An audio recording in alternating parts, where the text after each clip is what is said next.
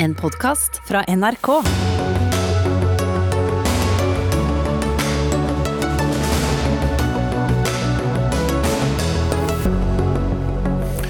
Reiselivet er um, sinte på regjeringen, som i går frarådet utenlandsreiser frem til 1. mars, samtidig som utenriksministeren ba nordmenn droppe påskeplaner i utlandet. Uryddig kommunikasjon, sier Virke reiseliv. Planlagte motorveier kan uh, stikke kjepper i hjulene for Norges klimamål. Det hjelper ikke med elbiler når vi bygger ned natur og legger asfalt i stedet, advarer Naturvernforbundet. Idrettsforbundet har uh, gitt fra seg styringen i arbeidet for likestilling, hevder NRKs sportskommentator. Det er helt feil, tilbakeviser idrettspresidenten. Og mens uh, noen ikke hadde stått opp, hadde andre en dårlig hårdag eller bare føle seg utrygge på det hele. Det er mange grunner til at studenter og elever møter til digital undervisning med kamera slått av. Da sier vi god kveld. Slik eh, ser aftenens meny ut. Jeg heter Espen Aas, eh, og mot slutten av sendingen, sendingen skal vi også diskutere smitteverntiltak i minoritetsmiljøer der smitten stadig er eh, høy. Men hva mener egentlig regjeringen om når vi skal ut og reise igjen, eller når vi kan ut og reise igjen? Vel, i går ba utenriksminister Ine Eriksen Søreide nordmenn droppe eventuelle utenlandsplaner i påsken, samtidig som Utenriksdepartementets reiseråd kun frarådet utenlandsreiser frem til 1. mars, altså en drøy måned før påske.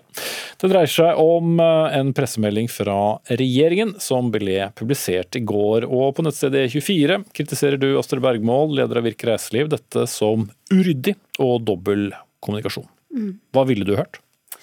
Nei, eh, først og fremst er det jo sånn at dette reiserådet eh, det har bransjen fulgt slavisk eh, siden denne koronakrisen begynte, og egentlig før det òg, men gjennom hele koronakrisen. Eh, og man har avlyst reiser når eh, det har vært rødt på destinasjonen, og, og, man følger det i alt man gjør. Og Dermed er det veldig veldig viktig for oss at eh, det er ryddig kommunikasjon rundt disse reiserådene. sånn at når man gir et reiseråd 1.3, så reagerte vi på at i samme pressemelding så sier Søreide altså at Eh, hun egentlig ikke vil råde folk til å planlegge for noe utenlandsferie i påske. Mm. Kan jo hende utenriksministeren syns det hele ser noe usikkert ut, da. Som vel noen vil gi henne rett i. ja, og det skjønner vi jo alle sammen. Eh, så, eh, så, det har vi ingen problemer med å forstå. Men det er noe med at påsken er over én måned. etter til dette reiserådet.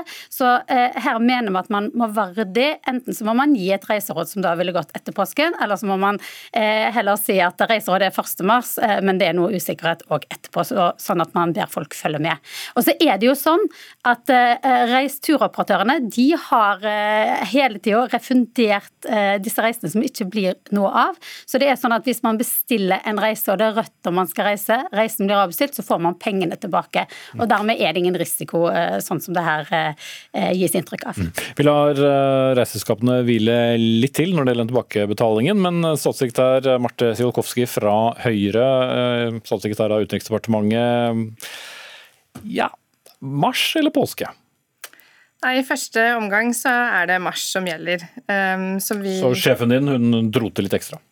Nei, jeg tror sjefen min er opptatt av å også kunne gi litt forutsigbarhet for de som eh, skal ut og reise. Samtidig så er det sånn at vi baserer de reiserådene som vi har nå, på analyser som vi har tilgjengelig. Det er vanskelig for oss å si eh, hvor langt frem i tid de vil gjelde, men det er ikke noe som tilsier nå at den situasjonen i Europa kommer til å endre seg. Så jeg tror det var viktig for henne å si noe om hva folk kan forvente også etter 1.3. Mm. Men det var kanskje litt rart med 1.3 og påske? I samme pressemelding? Nei, jeg vil si en ting som vi har vært opptatt av, er faktisk å gi forutsigbarhet eh, opp mot ferier. Det gjorde vi også eh, mot eh, juleferien. Eh, på samme måte som vi da også sa at det kan bli forlenga. Men det er noe med å si vi har vinterferien nå først. Den er det viktig for folk å få forutsigbarhet for. Og så er det også noe som kan tilsi at det kan være land som eh, kan bli grønne innen den tid. Det vet vi ikke per nå. Og det, også, eh, det å gi de en mulighet for å kunne bestille en reise, da, om det er en måned før påske, så er det også noe som vi ønsker å gjøre. Vi har ikke lyst til å ha et globalt reiseråd lenger enn nødvendig, og vi kommer jo til å komme tilbake til også hvorvidt dette reiserådet vil forlenges. Så ikke, ikke høre på utenriksministeren, da, men forhold deg til 1. mars. Bergmål. Ja, eh, men det er jo her hører man jo dobbeltkommunikasjonen igjen. ikke sant? For nettopp Det kan hende at det er noen land som vil klare å komme ned på et så lavt smittenivå at det vil kunne være mulig eh, for påsken. Og Det er jo hele poenget. og Derfor var vi også veldig glad for at det eh, reiserådet ble satt til 1.3. Fordi dette er, ting skjer fort her, og, og ting kan òg endres til det bedre. Mm. Men det betyr jo ikke at uh, reiseråd til 1.3 betyr uh, reis på skiferie i Østerrike i påsken? nei, og det tror jeg alle skjønner. og Derfor mener vi også at det er veldig sånn unødvendig med denne ekstra eh, sitatet som, eh, som, her, det her sies her at det, eh, man sier det for å, å egentlig gi folk liksom, eh, forutsigbarhet, men de gjør faktisk det helt motsatte. De gjør det helt umulig å vite om man skal liksom, eh, gå for eh, reiseråd eh, som er, er, offisielt, eller om man skal gå for denne uttalelsen. Men når det er sagt, dette er jo liksom allerede nå snøen som falt i fjor litt, fordi dette ting skjer så fort her. Og det vi er opptatt av nå, det er jo at denne type dobbeltkommunikasjon ikke fortsetter, at det er klart og tydelig for alle hva som gjelder, og at eh, vi nå ser fram mot sommeren. og Derfor er vi også veldig glad for at Jan Tore, nei, for at, eh, eh, nå sier jeg feil for at Bent Høie i dag sa at det er sannsynlig at vi vil kunne reise til Europa i sommer. Mm.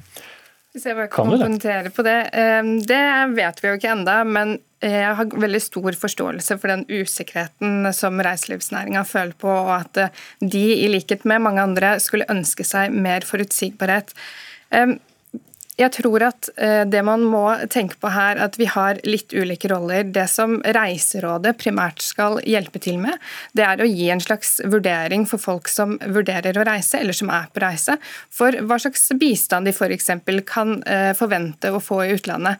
Det er vårt ansvar å sørge for at de vet hva de har å forholde seg til. Jeg er ikke enig i at det er eh, uklart, selv om jeg skulle ønske vi kunne være mer forutsigbare, men det er dessverre sånn at det er smittesituasjonen i Europa og verden rundt oss som gjelder, og den har dessverre vi liten kontroll over, selv om vi gjerne skulle ønske det. Mhm. Men eh, ja, altså, spørsmålet var jo egentlig om, om, om, sommeren. Det er umulig å si noe, så ikke bestill noen reise der heller, er det det du sier? Det er i hvert fall for tidlig å si noe om hvordan sommeren kommer til å bli. Jeg tror vi er mange som ønsker at vi skal kunne reise, og hvis vaksineutrullingen går som planlagt, både i Norge og i Europa, så kan vi jo i hvert fall håpe på at det er bedre muligheter for det til sommeren. Bergmål, det var vel ikke Nei, altså, heller det du ville høre? Jeg, jeg må jo bare si at det er nesten oppsiktsvekkende å høre hvor uklar og utydelig denne kommunikasjonen er. Når vi har hatt en presse med, Men det er jo ingen som har noe fasit? Nå, nei, men når vi har hatt en pressekonferanse i dag der eh, statsråden har sagt at man regner med at man er ferdig til sankthans med den planlagte vaksineringen, der det er presisert av helseministeren at eh, man kjører den samme utrullingen i hele Europa. Eh, danske myndigheter har også vært ute og sagt at de skal være ferdig 27.6. Den danske statsministeren har sagt vi regner med at folk skal kunne reise som normalt i Europa i sommer. Bent Høie gjentok til NRK i dag at han mener det er sannsynlig. Eh, Gullvåg sa at her får vi tre til fire krevende måneder, så ser det lysere ut mot sommeren. Og da må man på en måte man må på et eller annet vis eh, og et eller annet tidspunkt bestemme seg internt og koordinere seg internt i regjeringen så godt at folk vet hva de skal forholde til, og ikke minst bedriftene vet hva de skal forholde seg til. Mm. Um, situasjonen, som Astrid Bergman også vet, endrer seg veldig raskt. Det er ingen her som sitter på en fasit. Eh, tidligere reiseråd eh, de hadde vi sånn at de ikke hadde noen sluttdato. Det kunne vi jo selvfølgelig også nå gjort, men det gir ingen forutsigbarhet for næringa. Det gir heller ingen forutsigbarhet for de reisende. Og så er jeg ikke heller enig i det du sa innledningsvis om at det ikke er en risiko. Vi har sett nå, bl.a. etter jul eller i høst, at smittesituasjonen i ulike land har endra seg veldig raskt. Reiserestriksjoner innføres både innenlands, det er eh, fulle sykehus, altså det er mange ting som spiller inn i et reiseråd. Så har jeg veldig stor eh, forståelse for at dere ønsker forutsigbarhet, men jeg er ikke enig i at um, vi skal kunne gå ut nå og si noe om hvordan det blir til sommeren. Det er det altfor tidlig å si. Norge da, Bergmo? Nei, Nå velger jeg å høre på helsemyndighetene, som eh, jeg forutsetter at har den beste informasjonen om vaksineutrulling og hvordan situasjonen sannsynligvis vil være i Europa i sommer. Og så skjønner alle og de som hører på, at uh, her er det usikkerhetsmomenter. Og så vil jeg bare si at Når det gjelder dette med at vi har uttalt at det er helt risikofritt å bestille en reise, så handler jo ikke det om at noen vet hvordan situasjonen helt sikkert er i sommer. Men det handler jo om at disse operatørene har så uh, gode avbestillingsmuligheter at de avlyser alle reiser dersom det er rødt, at de refunderer pengene. Og alle som slet med å få tilbake flybillettpengene tidligere, Men her må man skille, fordi at eh, Luftfarten er én ting, og flyselskapene, du har helt rett, de har gjort en ganske dårlig jobb når det gjelder å refundere folk penger. Men når det gjelder reisearrangører, turoperatører, så vet vi at de har betalt tilbake.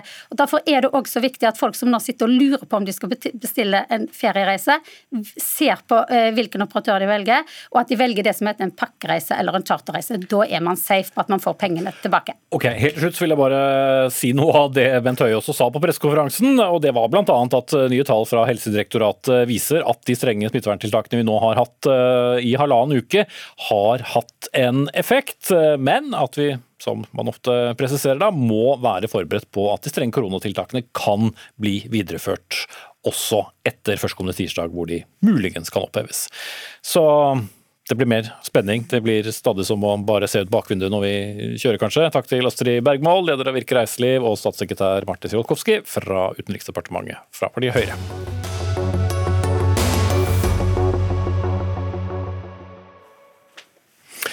Kamera på eller kamera av, det er ikke noe valg i dette studio, men mot slutten av Dagsnytt 18 så skal vi høre at mange elever ikke ønsker å synes når de er med på digital undervisning, til stor frustrasjon for lærere som snakker til svarte skjermer. Men idet nyttårsrakettene sendes opp i 2029, altså skal Norge ha halvert landets klimagassutslipp. Dersom alt går etter planen, da. Men eh, samtidig så skal vi også, ifølge bl.a. Nasjonal transportplan, bygge mange brede og ikke minst lange nye veier. Men eh, går det sammen, mon tro, Holger Slapitz, fagsjef i Naturvernforbundet? Du sier jo for så vidt nei til det, men vi er jo mest opptatt av utslippene fra trafikken. Har det like mye å si at vi bygger veier? Ja, det har mye å si på flere områder. For det første så gir det jo mer biltrafikk og økt utslipp av den delen av biltrafikken som ikke er elektrifisert. og Det kommer til å ta lang tid før, det, for, for tunge kjøretøy alt det er over på el. Og I tillegg når det er snakk om klima, så er det jo da det å bygge veien bruke stål, betong og eh, anleggsmaskiner og alt det der som kommer til å gi store utslipp. Og ikke minst det som kommer fra at du skal fjerne skog, ødelegge myr osv. Det gir store utslipp. og Bare den, den beregning som er gjort for eh, de nye prosjektene som er nå til vurdering for den neste nasjonale transportplanen, ikke de som er allerede vedtatt og i løypa for utbygging, bare de nye vil gi utslipp på over 4 millioner tonn CO2. Hvem er det som har beregnet det? Det er Statens vegvesen, Nye Veier, Jernbanedirektoratet, Kystverket osv. Mm. Helge Orten, leder av samferdselskomiteen på, på Stortinget. Kan vi gjøre begge deler? Ja, jeg mener at vi kan gjøre begge deler. Fordi eh, For det første så er vi avhengig av å ha en helhetlig infrastruktur i dette landet her, hvis vi skal ha bosetting og verdiskaping i, hele Norge. For oss er det iallfall ekstremt viktig. Eh, og veldig mye av den den, den, den, infrastrukturen vi nå legger opp til å bygge, både i forrige nasjonal transportplan og den som vi jobber med nå, vil jo legge til rette for at vi må fortsette å bygge ut veier til landet. Hvis ikke så vil, vil du sentralisere befolkninga, og det er ikke vi opptatt av. Men det vil gå på bekostning av det? Ja, men Samtidig så må vi se på disse her beregningene. Det er jo gjort ut fra dagens teknologi. Nå har jo eh, samferdselsministeren eh, lansert eh, en plan for å begynne å redusere utslipp fra anleggsplasser. Det syns jeg er bra. Vi jobber jo med å nå målene våre når det gjelder utslippsfrie kjøretøy. Det er satt mål om kun å selge nullutslippsbiler f.eks. i 2025. Vi er jo på god vei. Vi er over 60% salg av elektriske biler nå i, i desember i fjor. Så jeg tenker at En ting er jo vi må ha en infrastruktur som vi tilrettelegger for både bosetting og verdiskaping. Samtidig må vi sørge for at det som går oppå den infrastrukturen, blir utslippsfritt. Mm. Men der er det et stykke igjen, Klappitz, når det ja, i hvert fall gjelder utbygging. Når det gjelder trafikken, så er det også i stor grad tatt hensyn til at personbilene skal bli mer og mer elektriske. Så dette er jo bakt inn i rapporten i veldig stor grad. Også I tillegg så er det jo dette med naturen. Det er karbonlageret til naturen. Det får du ikke gjort noe med med ny teknologi. Altså Det er fakta at når du ødelegger myr, når du ødelegger skog, så forsvinner karbon opp i atmosfæren. Og Selv om etatene har satt seg mål om å kutte noe av disse utslippene, så er det store utslipp igjen. Og det er også stor usikkerhet. Det anslaget jeg refererte til med 4 millioner tonn, det er det lave estimatet. Så dette kan godt bli enda større. Mm. Men er det svaret å ikke bygge ut eh, veier, er det det du mener? Nei, altså Å bygge nye, store motorveier, det er det vi er skeptiske til. Jeg tar veldig avstand fra Helge Ortens påstand om at dette her vil være negativt på veldig mange samfunnsområder. Vi vil bruke mer penger på å ruste opp de veiene vi har. Jeg tror det har en stor samfunnsnytte. Hvis du spør en transportøkonom, så vil en sannsynligvis si at vi bruker for mye penger på de store veiene, og vi bruker for lite på å vedlikeholde og utbedre de veiene vi har. Jeg tror folk er opptatt av rassikring, de er opptatt av at de har en vei som funker. Helt sikkert, vi, holder oss til bare veibyggingen. Gorten, jeg glemte for så vidt å si at du tilhører regjeringspartiet Høyre, mens det er KrF som har Samferdselsdepartementet. Men det er jo også en kjensgjerning at bedre veier, bredere veier, mer trafikk.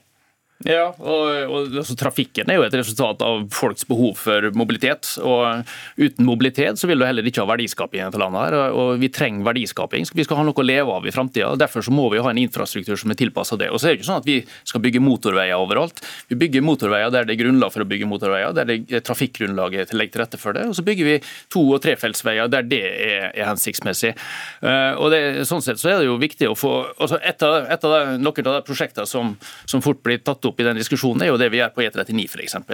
Og, og, for oss er jo dette viktig, ikke fordi at eh, Som er hva?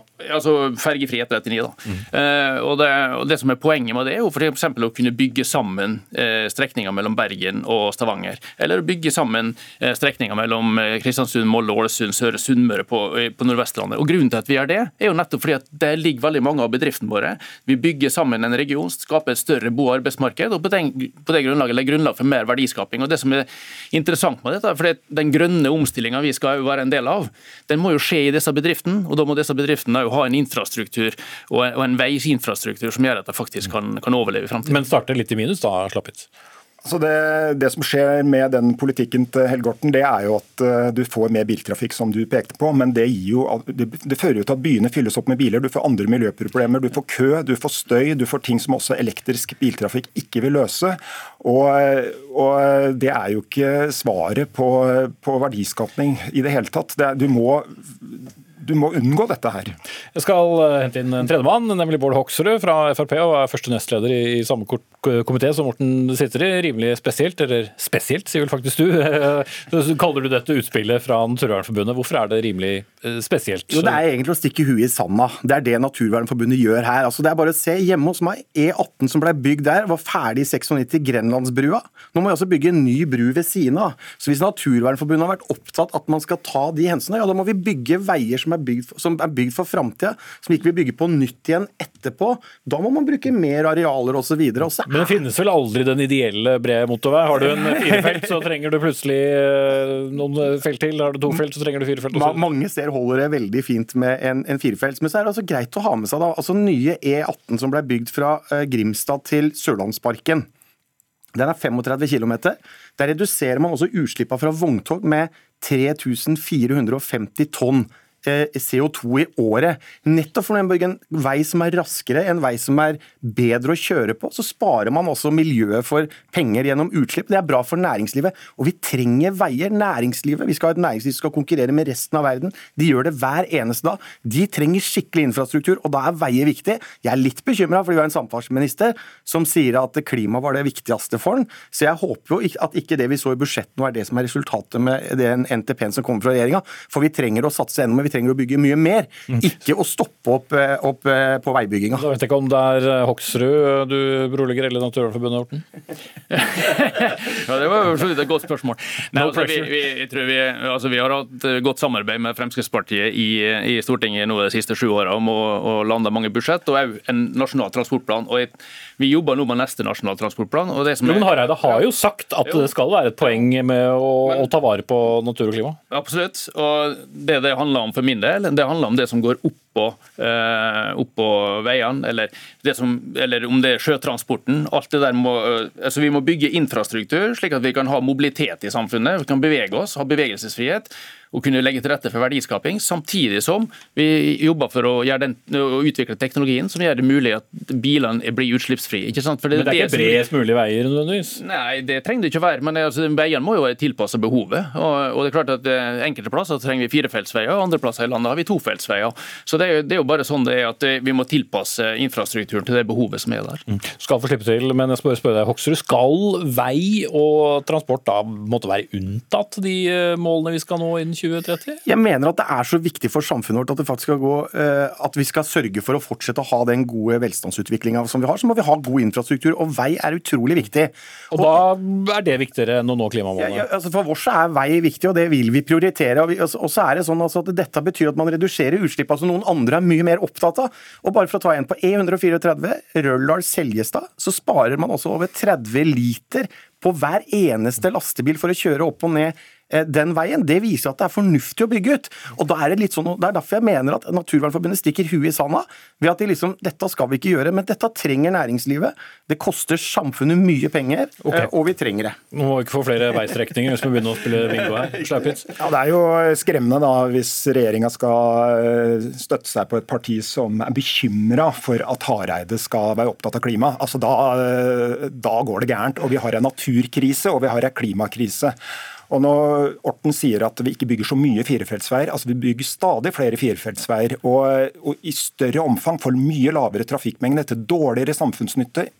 Ja, men Er det god samfunnsnytte bare for å ta akkurat den biten, da, som for så vidt uh, Orten og, og, og Hoksrud er enig men å, ha smale veier hvor uh, transport altså bruker lengre tid? Det er bedre å ruste opp de veiene vi har, satse på to-trefeltsveier som gir de samme effektene med tanke på tungtransport som du peker på, men de gir mye mindre inngrep, de gir mye mindre klimagassutslipp fra både bygging og fra arealinngrep. Mm. Ok, Orten. Altså, vi har ikke noe å leve av om 10-20-30 år hvis vi ikke bygger ut infrastrukturen i dette landet. her. Vi må ha veier i dette landet, her, vi må ha jernbane, vi må ha luftfart og vi må ha sjøtransport. Men vi har jo alle de tingene i dag. Jo, jo, men altså, Vi må jo bygge ut den infrastrukturen nettopp for at alle bedriftene våre ligger stort sett i enden av en fylkesvei der ute langs kysten eller i innlandet. Og Da må vi på en måte ha en veiinfrastruktur, og det er jo ofte, vei, ofte veiinfrastrukturen som er helt avgjørende for den mm. verdiskapinga. Men når vi klimamålene da? Ja, det, ja, det er jo ganske overbevist om at vi skal klare, faktisk. fordi det, det handler om å utvikle den teknologien som går oppå disse veiene. Og det må, Bilene må bli utslippsfrie, sjøtransporten må bli utslippsfri, lufttransporten vil bli utslippsfri etter hvert. Det vil være variabel lengde for når vi blir når Vi tror ikke alt det er på plass i 2030. Nei, det tror jeg nok ikke, men vi er på god vei. og jeg synes det er veldig mye som tyder på at den teknologiske utviklinga vil akselerere, og vi vil se at vi kan nå måla gjennom å utvikle ny teknologi. Men vei først, Hoksrud? Ja, vei er kjempeviktig. Som, som, som, Helge også sier, dette her handler jo faktisk om at hvis du gjør dette, så reduserer man også utslipp for de som er veldig opptatt av det. Og så er Det jo sånn at det er dumt å ha tre bruer er bruer ved siden av hverandre. Det er konsekvensen av den politikken som Naturvernforbundet egentlig ønsker. Nå må man også bygge den tredje brua fordi trafikken er blitt så stor. Og så ser man ny, tek jo, men også ser man ny teknologi gjør jo at det blir nullutslippsbiler kommer for fullt. Men vi behøver jo ikke å og, og, og, og, da er liksom litt av argumentasjonen din borte. Derfor må vi fortsette å bygge mer veier, bygge mer infrastruktur. Det er kjempeviktig.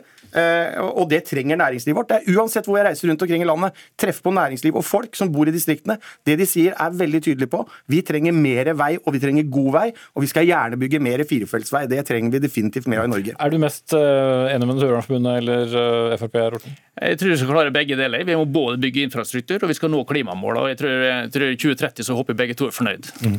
Det tror ikke jeg nødvendigvis på, men vi skal ikke starte den en gang til. Takk til Holger Slapic, fagsjef i Naturvernforbundet. Bård Hoksrud, første nestleder i transport- og kommunikasjonskomiteen fra Frp, og Helge Orten fra Høyre og samme komité der han er leder.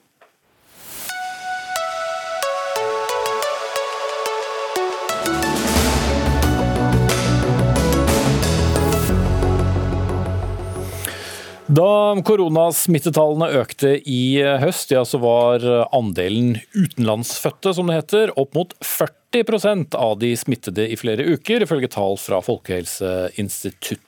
Samtidig etterlyste du, leder for minoritetsutvalget, Samine Tagge i Aftenposten eh, i går, at eh, personer som, som, som deg, som du sa, i, i, større grad får slippe til med kompetanse for å få ut informasjon om covid-19 til minoritetsmiljøer. Hvilken informasjon er det som ikke har kommet ut nå på dagen, ti måneder etter at eh, vi stengte ned Norge? Det, det handler egentlig om måten man kommuniserer på. Eh, hvordan man eh, oppfatter det i de ulike miljøer. Det handler om språk. Det, det er jo det som har vist seg å være problematisk. Ja, Så de, de forstår språkbruken, eller at de ikke får det på sitt språk? Det er um, Altså Det handler litt om måten du kommuniserer på, og ordene man bruker, ikke sant.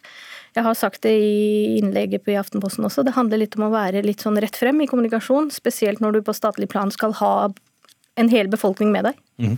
Ja, og Forstår jeg deg rett, så er det litt for mye rom for tolkning. Uh, for det er sånn Ja, vi anbefaler ja. uh, følgende. Uh, bør ikke. Noen ting er påbudt, mm. men det er veldig mange råd og anbefalinger. Ja. Burde myndighetene rett og slett, hvis jeg forstår deg riktig, være strammere i klypa? Ja. ja. Kort og godt. Eh, og det er jo noe vi så mange føler har vært eh, vanskelig her. Eh, Grunde Grekken, Grekken Almeland, statssekretær i Kunnskapsdepartementet fra, fra, Venstre. Du stepper inn for din statsråd i denne saken. De tallene viser vel ikke at vi har helt lykkes i kommunikasjonen? Altså, De tallene betyr jo ikke bare at det handler om informasjon. De tallene betyr jo også at dette er en gruppe som Eh, f.eks. har oftere yrker som er mer utsatt for, eh, for smitte. Det handler om eh, at levekår, altså trangboddhet, den type ting spiller også inn. Men så er vi også helt ærlige på at vi må jobbe med at informasjonen faktisk når fram bedre. Og det så vi egentlig allerede i april i fjor. Eh, mars i fjor så så vi jo at eh, informasjonen ikke nådde helt ut til alle som trengte det. Og Det handlet om flere ting. Det handlet bl.a. om at man ikke forholder seg til de samme nyhetskanalene. Det handler om at ikke alle følger med eh, på regjeringen.no, overraskende nok. Men, jo, men, men, men, litt det poenget til Tange også om at å holde styr på hva du har lov til, hva du kan gjøre, og hva du er eh, anbefalt, eh, det er lett å blande her. Absolutt. Og Der har man en jobb å gjøre, og den jobben gjøres kontinuerlig for å sørge for at man er tydeligst mulig. Men det går også en grense for når man skal bruke Eh, ord som skal. For det å innføre et påbud og si at befolkningen skal forholde seg til noe, det er et ganske restriktivt tiltak. Og vi har ikke som tradisjon i Norge å innføre altfor mye sånne type påbud. Og Derfor kommer en del som nettopp råd og anbefalinger. Det betyr jo ikke at folk ikke skal følge de, men det betyr at det er en forskjell på hva som er altså lovmessig belagt at man skal gjøre. Men samtidig ja, Bare for å ta opp eh, det andre poenget til Almeland også at eh, det betyr jo ikke nødvendigvis at man bevisst lar være å følge dem eller misforstår dem, men noen miljøer bor man annerledes i, man har andre jobber, så vil jo alltid være noen forskjeller. Så helt ja. svaret vet vi vel ikke. Nei, men jeg tenker liksom at uh, nå er vi i en krise. Vi, vi, vi sier vel at covid er en krise.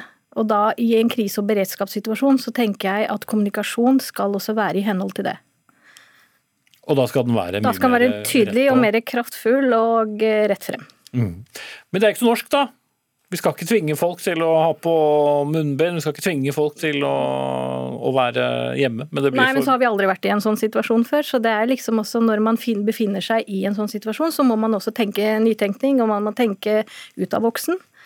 Og eh, jeg tenker at det vi snakker om smittetall, ikke sant, det henger sammen. Det er en litt sånn komplisert uh, tematikk. Det henger sammen, men primært tenker vi da at det handler uh, først og fremst om hvordan målgruppen oppfatter det som blir kommunisert ut av staten. Men er det likevel noen tvil lenger over at smitten brer seg raskt, og lurer noen egentlig på hvordan det, det smitter? Det handler jo om at vi er åpenbart for nær hverandre. Ja, Nei, det er ikke tvil lenger. Men eh, på en måte det, det er disse eh, jeg, jeg, henger meg opp i dette med ord.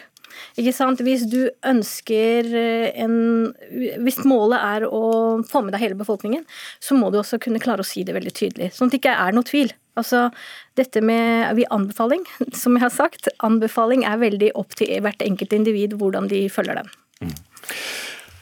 Amran, eh, tenk å svare på det en gang til. Det er jo også påpekt at uh, det mangler altså Det er en, det er en ganske, ganske, norsk sammensetning av eh, koronakommisjonen. Det er ikke et eneste medlem med minoritetsbakgrunn i det. Var det klokt? Altså, Selve koronakommisjonen skal jo se på en rekke ulike spørsmål, og skal gjøre en evaluering i etterkant. Og det er helt klart at de personene som sitter i den kommisjonen, vil ikke være fullt ut representative for alle deler som de skal se på. Men en av delene de skal se på, er jo nettopp hvordan myndighetene har kommunisert ut i denne krisen. Eh, en del av det handler jo da også om hvordan vi har kommunisert overfor disse gruppene. Hvordan man har kommunisert overfor innvandrerbefolkningen. Eh, og Derfor har vi også personer med eh, kommunikasjonskompetanse som sitter i den kommisjonen. Men den kommisjonen vil jo være avhengig av å søke ut eh, til, til andre grupper igjen og få inn informasjon og innspill. Fordi de, kanskje, de, skal ikke i seg selv sitte og gjøre alle disse vurderingene. De er helt avhengig av å komme i kontakt med, med miljøet ellers. Men så vil jo... jo, men det er vel også et poengtak at minoritetsmiljøene er jo veldig forskjellige fra hverandre, og ut fra bosted hvilken by, del av landet osv. Så, videre. så den måtte blitt en ganske diger uh, kommisjon dersom det skulle vært uh, alle skulle vært representert. Ja, men det var jo ikke tanken det når jeg kom med den kritikken, for jeg tenker at det er signaleffekten i seg selv. Ikke sant? Når du da nedsetter en kommisjon, så syns jeg at um, det sier mye om at det ikke er, sitter én der som har en flerkulturell bakgrunn og fagkompetanse, for det finnes. Ja, eh, jeg setter strek strekk der, for eh, du svarte både i forkant. Grunde Krekken Albrand, statssekretær i Kunnskapsdepartementet fra Venstre, og takk til Samina Tage, leder av minoritetsutvalget.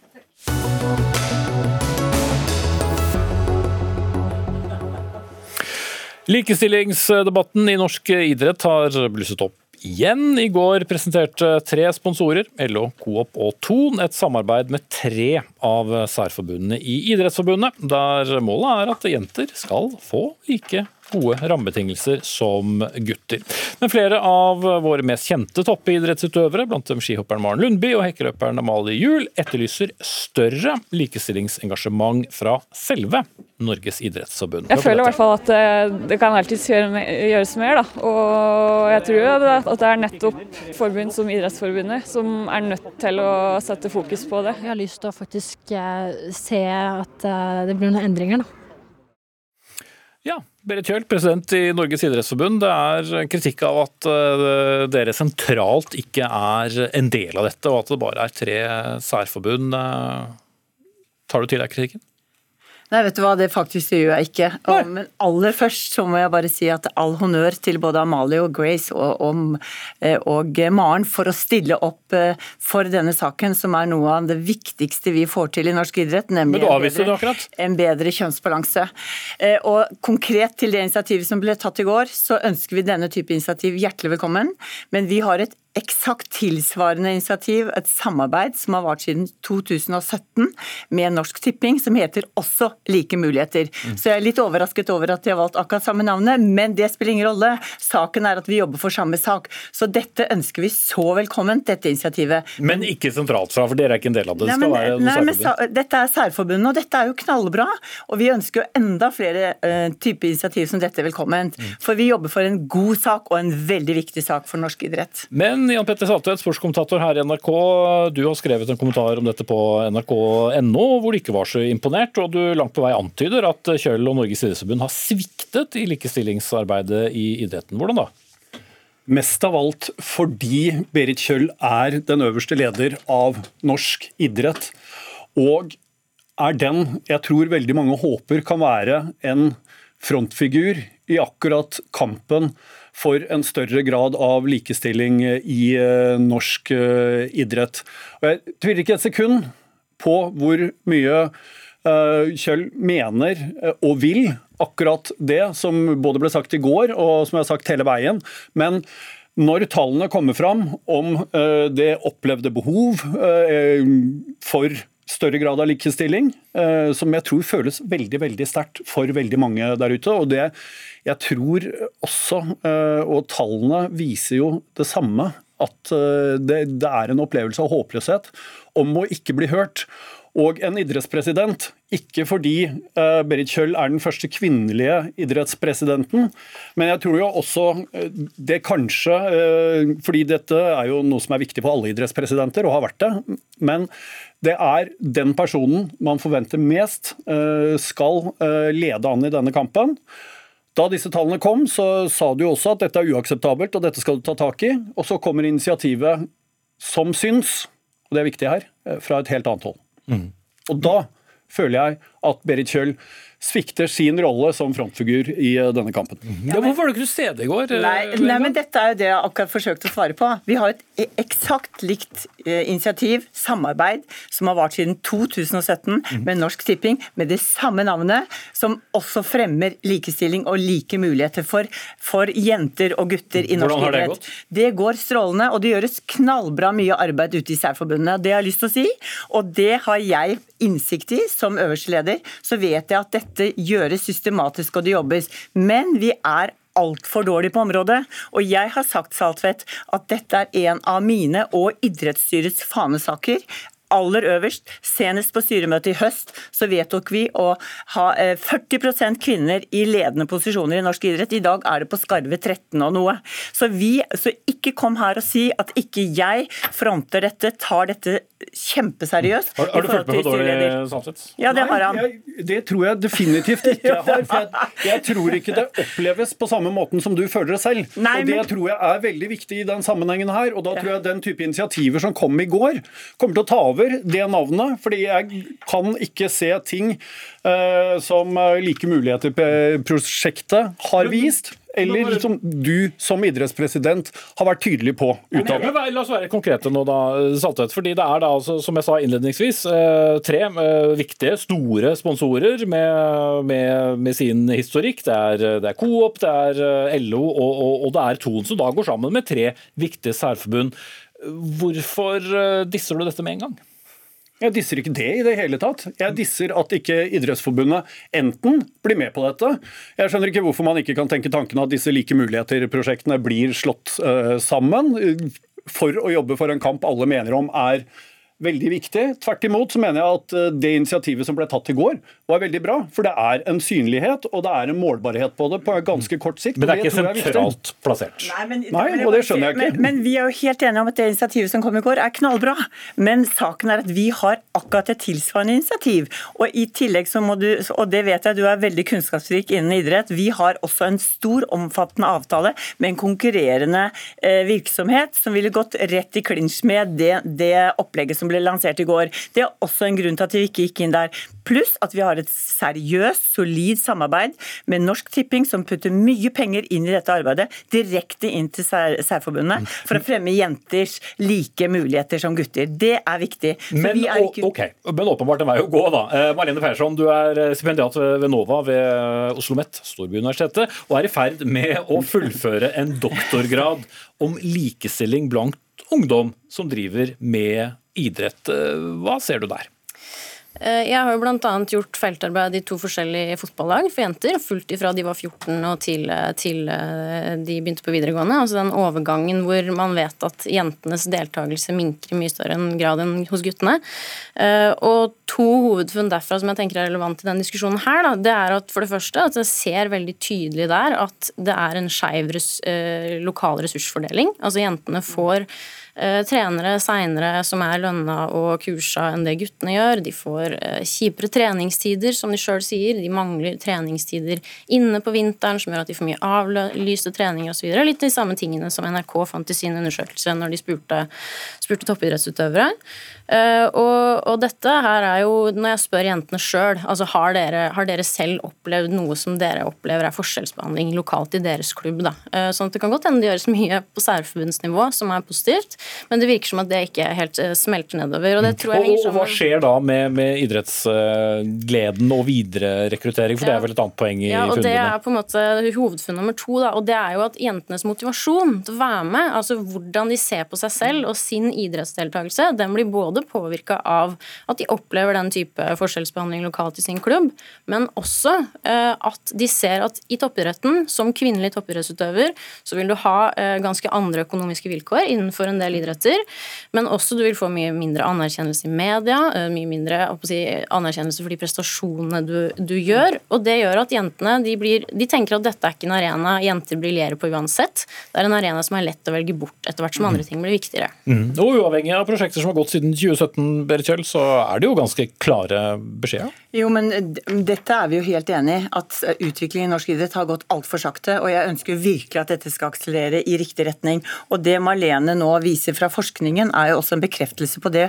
Den, den solide undersøkelsen NRK gjorde her, som vi fikk presentert for ca. seks-åtte uker siden.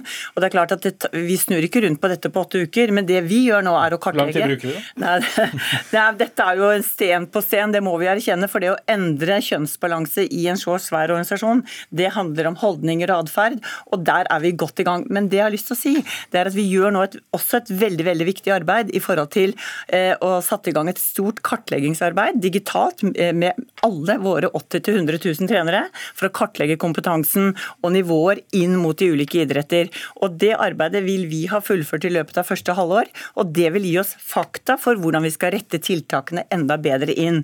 Så vi er jo bare opptatt helt uakseptabelt fra vårt ståsted og ikke ha like muligheter og like kompetanse og trenere til jenter og gutter i norsk idrett. Ingen tvil om hva som blir sagt over bordet her, i hvert fall, Jan Petter eh, Saltvedt. Eh, men hvor mye forskning trenger man når vi vet at forskjellen er som det er, ut fra både det NRK har presentert og, og som vi hører personen fortelle her? Jeg tror man trenger handling. Man trenger uh, enkle ting som viser at det faktisk skjer noe. Og uh, det har åpenbart ikke skjedd noe på dette prosjektet fra 2017. Jeg uh, tror idrettspresidenten skal være endelig, enda tydeligere utad på sine intensjoner og komme seg ut på grasrota, mer enn å tenke på styrerepresentasjonen. For jeg tror den virkelige forskjellen utgjøres mye lenger eh, ute i bredden enn, eh, enn i styrene, også i idretten. Mm. Ok, jeg setter strek der. Jeg vet at du kunne fortsatt eh, sikkert fram til 1859. Du skal få ta det med Petter på vei Nei, ut. Berit Kjøl, president i Norges idrettsforbund. Nei, jeg er programleder. Norges idrettsforbund. Jan Petter Saltvedt er sportskommentator, og Marlene Persson, stipendiat ved Oslo Nett.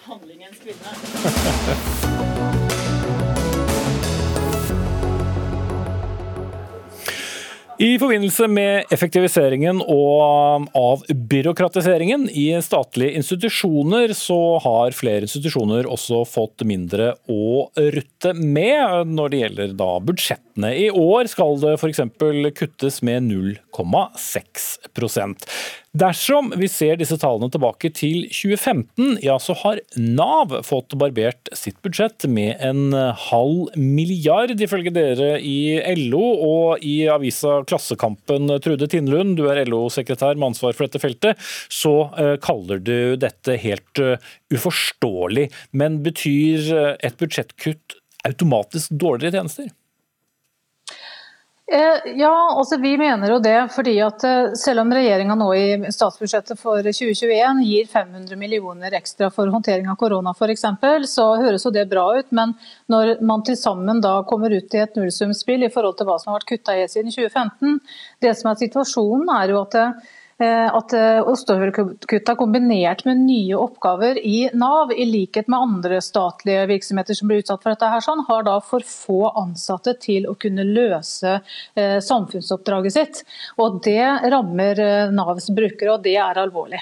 Mm. Så du mener å, å sitte på, på kunnskap uh, som tilsier at uh, dette får faktisk konsekvenser både for ansatte og brukerne? Ja, du kan si at beredskapsbemanningen eh, for saksbehandling av dagpenger f.eks. baserer eh, seg på at ansatte fra andre deler av eh, ytelseslinja og fra arbeids- og tjenestelinja, så når ansatte omdisponeres, så fører selvfølgelig det til at arbeidsoppgavene på opprinnelig tjenestested blir skadelidende. Og dette gjelder jo både arbeidslivssenteret, det gjelder Nav-kontoret, det gjelder kontrollarbeidet til Nav. Dette rammer bl.a. oppfølging av unge arbeidsledige som er spesielt utsatt nå. Det gjelder avklaring og oppfølging av arbeidsavklaringspengemottakere osv. Mm. Da skal jeg hente inn deg på en annen linje her. Vegard Einan, statssekretær i Arbeids- og sosialdepartementet fra Høyre. Er det, er det en klok ting å, å kutte i budsjettene når vi står oppe i disse tidene? Det er en en kreativ bruk av tall å si at vi kutter i budsjettet til Nav uh, i 2021.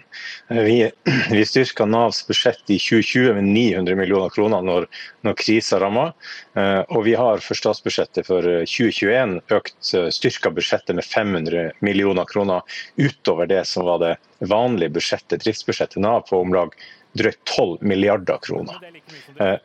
Sirelo. Ja da, så har vi en avbyråkratiserings- og effektiviseringsreform som har vært siden 2015, og, og som er, og som også ble satt til 0,6% av de 12 milliardene. Og så er det riktig at det, det ble et kutt på, isolert på den posten for eh, 21. Men samtidig så styrker vi altså budsjettet med 500 millioner. I tillegg til og det er også viktig å ha med. Så styrker vi jo også eh, arbeidsmarkedstiltakssatsinga med over 800 millioner, hvorav 95 millioner kroner går direkte til driften av Nav. Så det er en styrking av Nav i 21. Det er det ingen tvil om. Så LO sin bruk av tall her mener jeg er både tendensiøs og feil. og de hadde eh, nytt bedre troverdighet hvis de hadde brukt alle tallene i budsjettet, og ikke bare det som er på kutt. Svar direkte på det, Tine Lund. Vi bruker også alle tallene i budsjettet, så hvem som har en fantasifull bruk av tall her, det kan vi jo stille spørsmålstegn ved. Eh, rett og slett. Altså, vi må jo si 489 millioner til sammen siden 2015. vi snakker om muligheten for bortimot 600 stillinger her. Og, og Det som er situasjonen nå, det vi er bekymra for, er jo å rope et varsko overfor de som også jobber i Nav. Det er jo store utfordringer i den situasjonen vi er i. og når vi vet at Eh, de som jobber med dette her i Nav, har jobba uforholdsmessig veldig mye overtid. De har maksa fleksitidskontoene sine, de har utsatt sommerferien. Avregning av fleksikonto utsatt til høsten bl.a. Eh, og samtidig så er vi inne i en ny nedstenging og større pågang.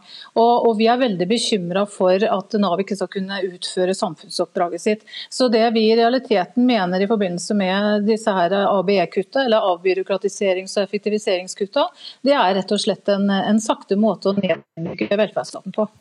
Ja, det var store ord, eh, Einar. Men det er en erkjennelse også at kuttene var i overkant, siden dere måtte eh, da hente disse 500 millionene inn igjen? Altså, da krisa ramma, altså, det er en det er kjensgjerning at vi har siden 2015 spart flere hundre millioner eh, i driften av Nav. Samtidig er det jo sånn at man man har effektivisert og automatisert foreldrepenger, pensjon, behandling av sykepenger. som Før så satte eh, mennesker og behandla det her. Nå går det automatisk. Arbeidsgivere sender inn sykemelding og får tilbake penger. så Det er mye mer som er automatisert. Eh, bruken av foreldrepenger er nå helautomatisert, sånn at eh, vi som eh, vordende foreldre kan få løst våre saker digitalt på et mye kortere tid, og med fortsatt kjempestor kvalitet. Så alt er bra, altså?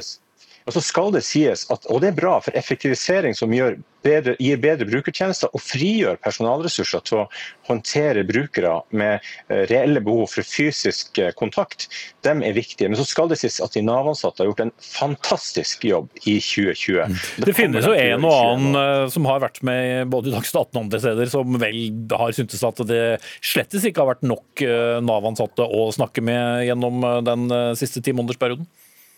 Ja, Det er åpenbart at vi har vært i kriser som, som, har vært så enorm at det ville ikke ha vært mulig å ha en organisasjon som hadde den beredskapen. Det tror jeg alle forstår og alle er enige i at Nav skal ikke ha en sånn eh, bemanning at man kan håndtere koronakrisa årlig. Det hadde ikke gått an. Nav ansatte 700 personer i, til behandling av, av eh, dagpengesøknader i 2020, og de har vi videreført muligheten til å beholde oss i 2021. I tillegg så har man omdisponert 500 ansatte drøyt fra andre oppgaver til dagpengebehandling. Og så er det jo sånn at Ja, Det ble så mange tall her at uh, må ha en liten pustepause. Uh, Tindlund, men er LO uh, uenig i at en mer effektiv Nav og et mindre byråkratisk Nav er, er galt? Altså, Regjeringen burde vært ærlig nok til å si at hvis det er områder som de mener det blir brukt for mye penger på, så må man være mer konkret hvor man skal kutte, og ikke ha disse her ostehøvelkutta som, som rammer driftsbudsjettet blindt over, over hele linja. Mm.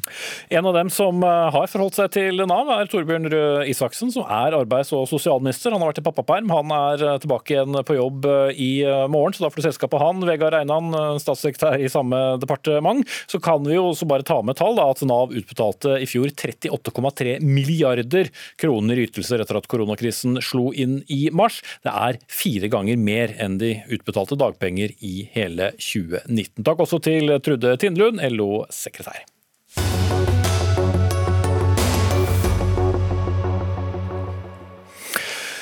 Ja, etter at eh, pandemien rammet Norge, så har studenter og elever, og for så vidt også mange andre, lært seg å leve med digital hjemmeundervisning i korte og lengre perioder. Men eh, forelesere eller lærere de underviser ofte foran ganske så svarte svarte skjermer. For halvparten av studentene som er spurt i en ny studie, sier eh, at de har svart skjerm, eller kamera slått av, eh, for å si det på den måten, under digital eh, undervisning. Selv om de opplever å lære mindre. Det viser en undersøkelse som er gjort ved Høgskolen i, i Innlandet. Og Kristine Novak, rektor ved Drammen videregående skole. Dere har som utgangspunkt at kamera til elevene skal være på når læreren har bestemt det. Hvorfor det?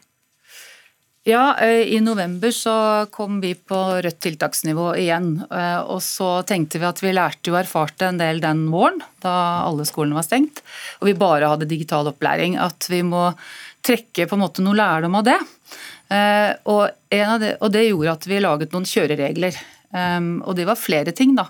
Også antrekk, kan jeg si. Men, men en av dem var det med kamera. Og så Læreren skulle se eleven? Ja, det er, det er, viktig. Vi har en kjøreregel som sier at eh, du skal ha på kamera hvis læreren ber om det pga. pedagogiske grunner. Da. Mm. Og så kan de ha på bakgrunn. Mm. Men ja, altså skjule den ellers rommet da, med, med effekter uh, i, i programmet de bruker. Men hvilken betydning har det da for undervisning? Du sier det er viktig pedagogisk å vise ansikt. Ja. ja, for det er jo hele poenget er jo at vi vet og erfarer alltid at det å vise ansikt og se hverandre er viktig for relasjoner. Det har noe med å eh, få bekreftelse, eh, anerkjennelse. Det er mye nonverbal kommunikasjon. Og mangel på nonverbal kommunikasjon, det fører til det motsatte. Det fører til mye utrygghet. Mm. Eh, og skal du lære, så må du være trygg. Det var eh, videregående skole. Jo Sigurd Barlien, nestleder i Elevorganisasjonen. Dere mener at elever må slippe å skru på kamera hvis de ikke ønsker å ha det på. Hvorfor er det viktig? Vi mener at det er viktig at elevene sjøl bestemmer om de ønsker det eller ikke. Og Det handler egentlig om at det kan være mange grunner til at elevene ikke ønsker å bruke kamera. Det kan være eh, grunner knytta til hvordan de har det hjemme. Kanskje er det fire andre eh, yngre søsken som har hjemmeskole. Kanskje eh, har de dårlig internett.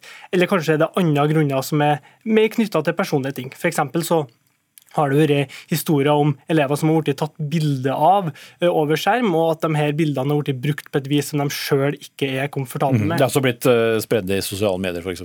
Ja, og da er det viktig at elevene føler seg komfortable i opplæringa. Det er kanskje viktigere nå eh, enn noen gang tidligere at elevene er komfortable med undervisningssituasjonen for at de skal kunne lære best. Og mm. Da syns vi det er synd at vi ser det flere ganger at elever opplever at de nærmest blir tvinga til å skru på kamera. Og de tror at dette går på bekostning av, eh, av deres forutsetninger til å lære på den best mulige måte. Da. Ja, Novak, Hvordan møter du de utfordringene? Både det at uh, man kanskje bor uh, på utfordrende måter, men også det som vi hører om mange historier om å, noen ser litt rar ut på håret, noen har en, noen morsomme kjøkkengardiner, la oss ta bilde av det, la oss spre det på, på, på Snap eller andre steder.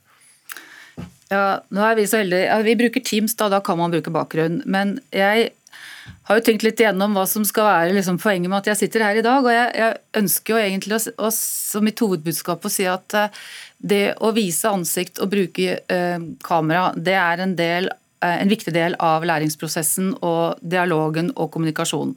Og at vi skal fokusere på hvordan vi kan få til mer av det, i stedet for at vi snakker om alle de tingene som hindrer det.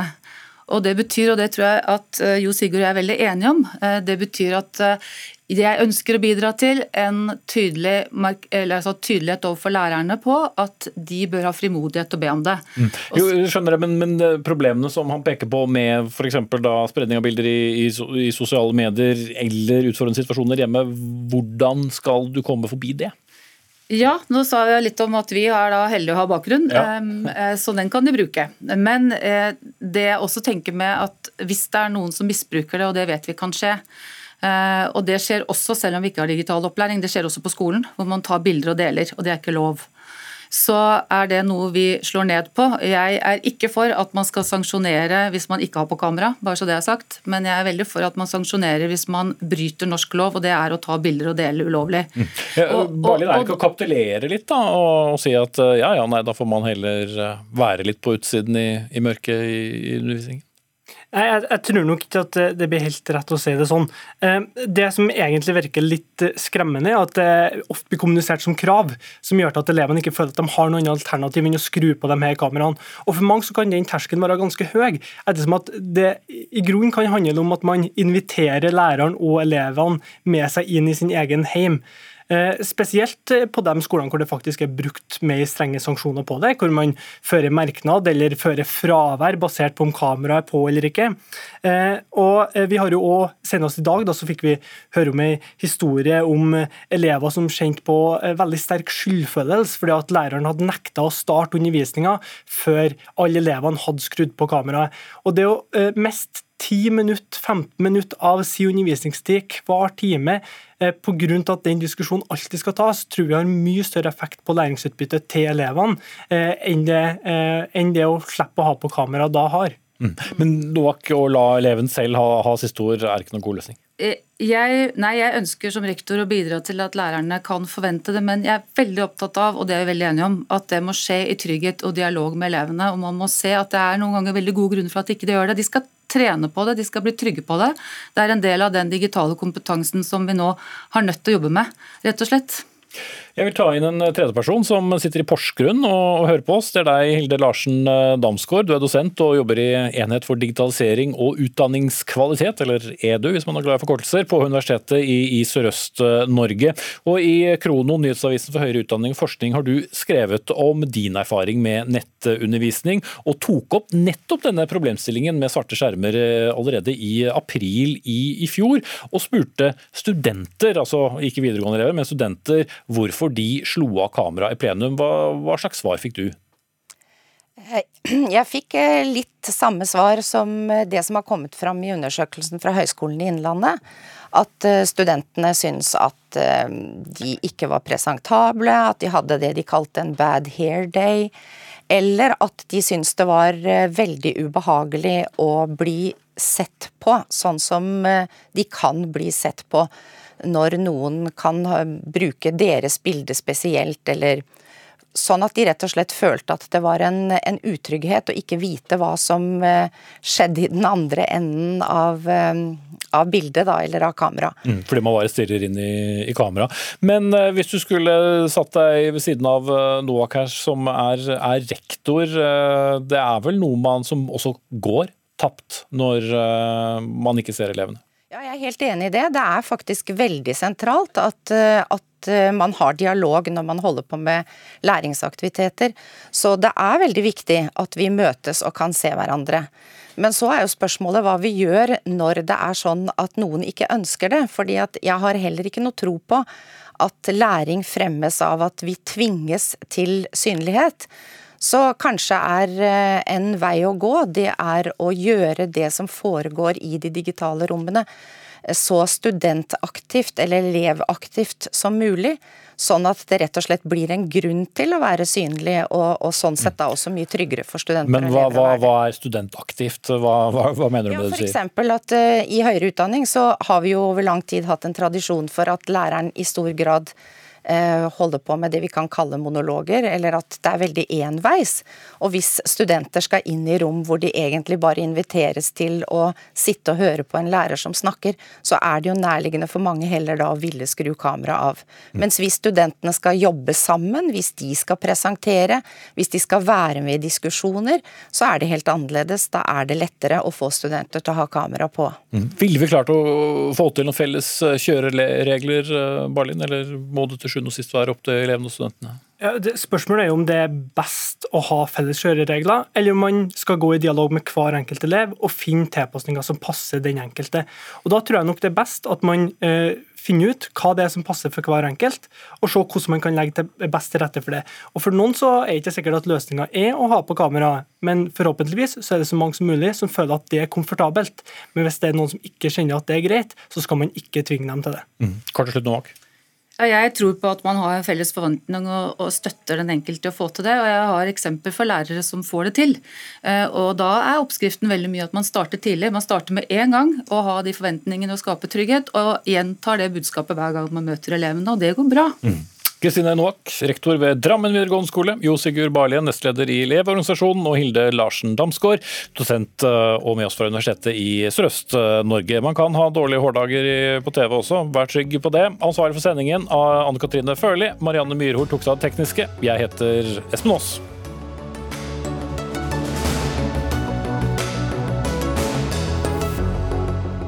Du har hørt en podkast fra NRK. Hør flere podkaster og din NRK-kanal i appen NRK Radio.